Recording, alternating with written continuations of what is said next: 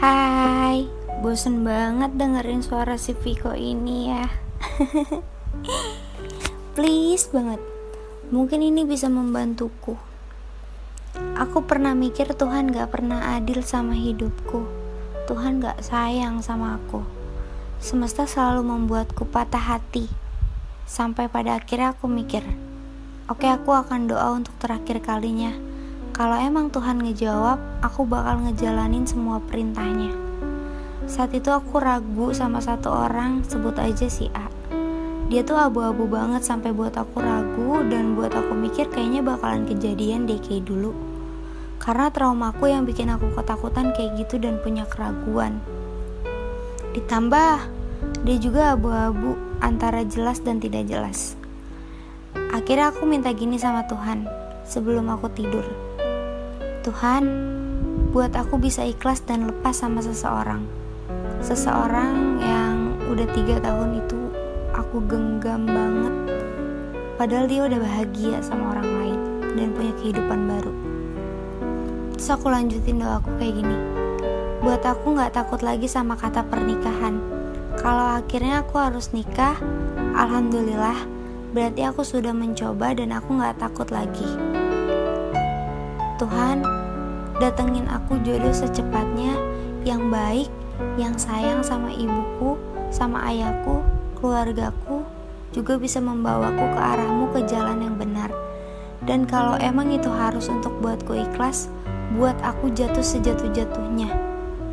Bukan, bukan karena aku mau ngelampiasin semuanya, tapi karena aku udah pengen bener-bener hidupku yang gak ngabisin waktu buat sekedar kayak gini-gini aja aku mau sama satu orang itu.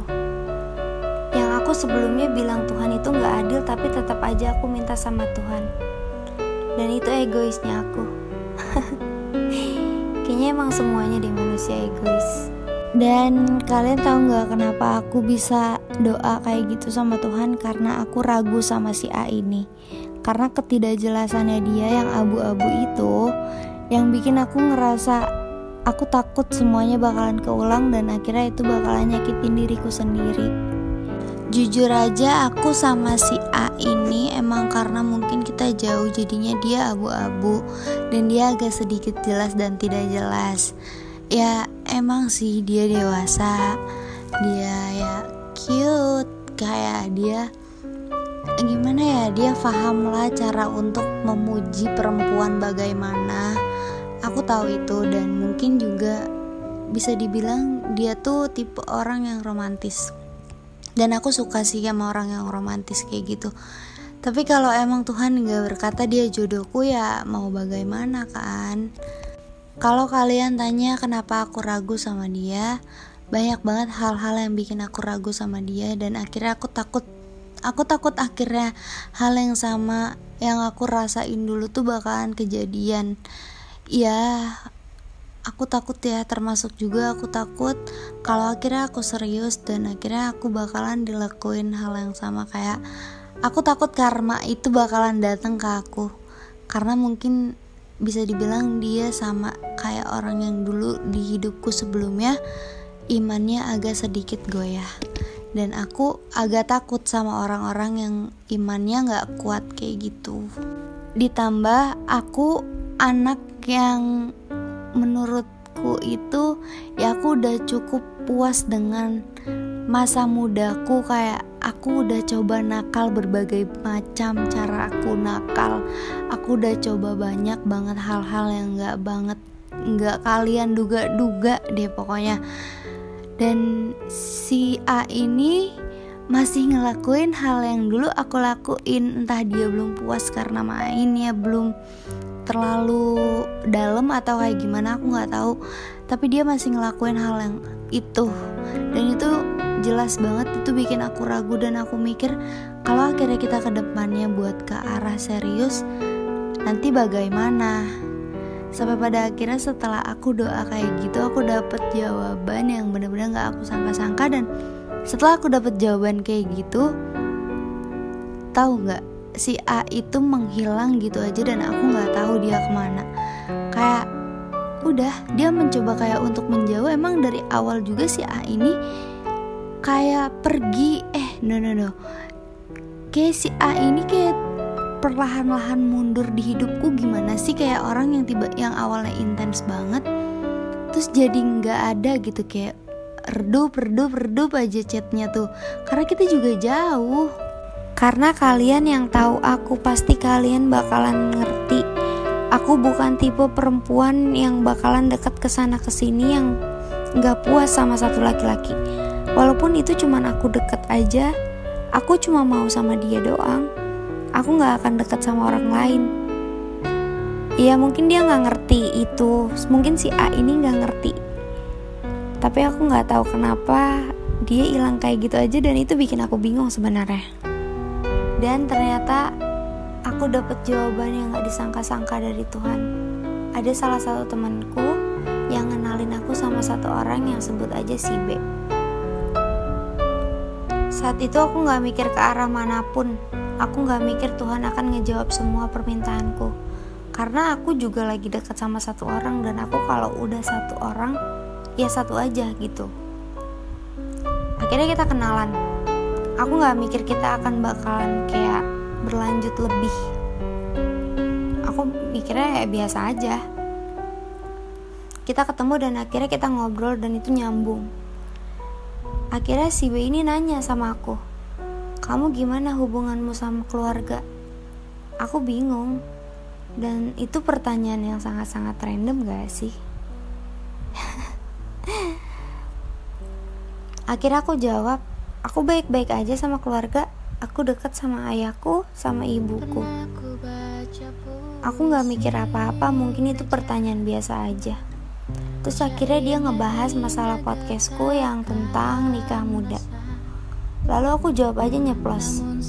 Itu sebabnya aku belum siap untuk nikah Karena nikah itu gak mudah Karena emang di orang terdekatku Teman-temanku yang udah nikah Banyak banget problem yang susah banget dipecahin Dan jarang banget aku denger hal baik dari mereka yang udah nikah. Dan ternyata itu menjadi pertanyaan menjebak dari si B. Dan di jalan pulang si B ini bilang sama aku Kamu bisa sholat istihoroh? Aku jawab bisa. Kenapa? Minta ya sama Tuhan. Tanya Aku baik apa enggak buat kamu? Aku takdir kamu apa bukan? Aku gak mau banyak drama. Aku gak mau nyari pacar Gak mau. Aku mau serius. Aku mau nikah. Aku mau cari jodohku. Dan aku gak mau buang-buang waktu untuk ngabisin sama orang yang salah lagi. Aku bingung sekaligus aku kaget. Karena ini bukan pertama kalinya aku kenal sama orang. Dan diajak serius kayak gini. Karena sebelumnya pun aku udah dua kali gagal nikah dan itu juga membuat aku trauma sebenarnya. Dan dua orang itu sebenarnya cuma pengen sama tubuhku aja. Tapi dia yang bener-bener gak ngelihat aku dari masa lalu. Aku kaget karena ada yang benar-benar mau serius dan minta aku buat nanya sama Tuhanku. Es, jangan salah paham dulu. Sebelumnya juga aku sama si A ini udah jauh, nggak tahu dia ke mana. Aku nggak benar-benar tahu lagi kabar dia semenjak aku ngerasa aku ragu. Dan ini bukan karena si B, By the way guys, istihoro itu adalah minta doa jawaban terbaik dari Tuhan. Dan di situ aku diem, aku bingung, aku lumayan lama mikir dan aku jawab, nikah sama aku susah. Aku nggak mikirin maharmu, tapi aku bakal gedein kata pranikah. Dia bingung, kelihatan jelas banget di mukanya kalau dia bingung. Akhirnya aku jelasin lagi. Pranikah itu perjanjian pernikahan.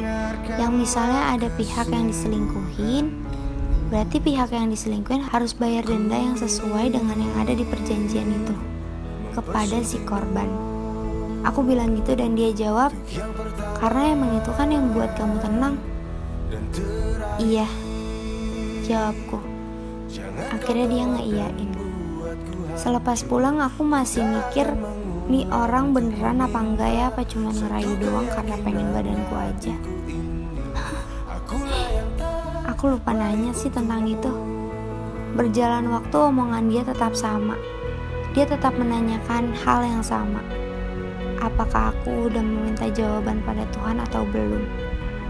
Aku bilang belum, karena seperti sebelumnya, aku mau lihat bagaimana Tuhan akan menjatuhkan aku jatuh sejatuh-jatuhnya ke pelukan si B ini atau enggak. Dan lebih tepatnya aku takut akhirnya aku dapat jawaban yang gak lagi-lagi sama dengan ekspektasiku. Aku tanya sama dia, kamu udah puas main? Puas main gimana? Ya kamu puas-puasin dulu mainnya baru kita ke arah sana. Terserah kamu mau percaya atau enggak. Aku nggak pernah suka sama yang namanya perselingkuhan. Karena aku percaya adanya karma. Dan aku nggak suka main-main sama perempuan. Kalau aku belum puas sama main, aku nggak akan mau ke arah sana aku nggak akan mau ke arah pernikahan. Kamu puas-puasin dulu mainnya misalnya sama teman-teman kamu. Aku trauma, aku trauma ini cuman rayuan kamu aja. Terus dia jawab, ngapain aku ngerayu-rayu? Aku capek buang-buang waktu sama orang yang salah. Aku daripada harus nakal sama perempuan lain, atau aku harus nakal dan nyentuh kamu, mending aku main tangan aja. So, coli maksudnya aku kaget aku kaget apa yang mau aku tanyain dan belum tersampaikan dia ngejawab secara spontan lagi-lagi pikiran dia sama denganku kalau mau tubuh seseorang wanita jangan hanya memberikannya kepastian yang tidak jelas. Tidak jelas arah hubungan kalian akan ke mana. Tapi halalkan dan menafkahinya. Jangan hanya ingin tubuhnya saja. Dia bukan boneka. Aku bingung bagaimana bisa apa yang mau aku tanyakan. Justru malah dia yakinkan sebelum aku tanyakan sebelumnya. Menurut kalian itu jawaban Tuhan atau hanya sekedar rayuannya saja?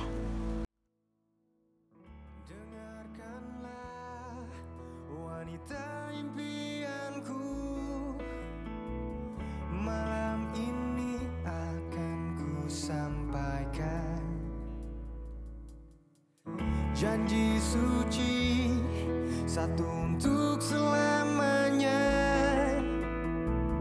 dengarkanlah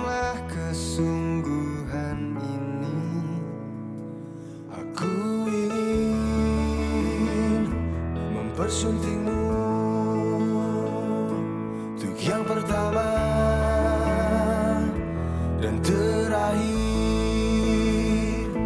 jangan kau tolak dan membuatku hancur. Ku tak akan mengulang untuk meminta Satu keyakinan hatiku ini. Akulah yang terbaik untukmu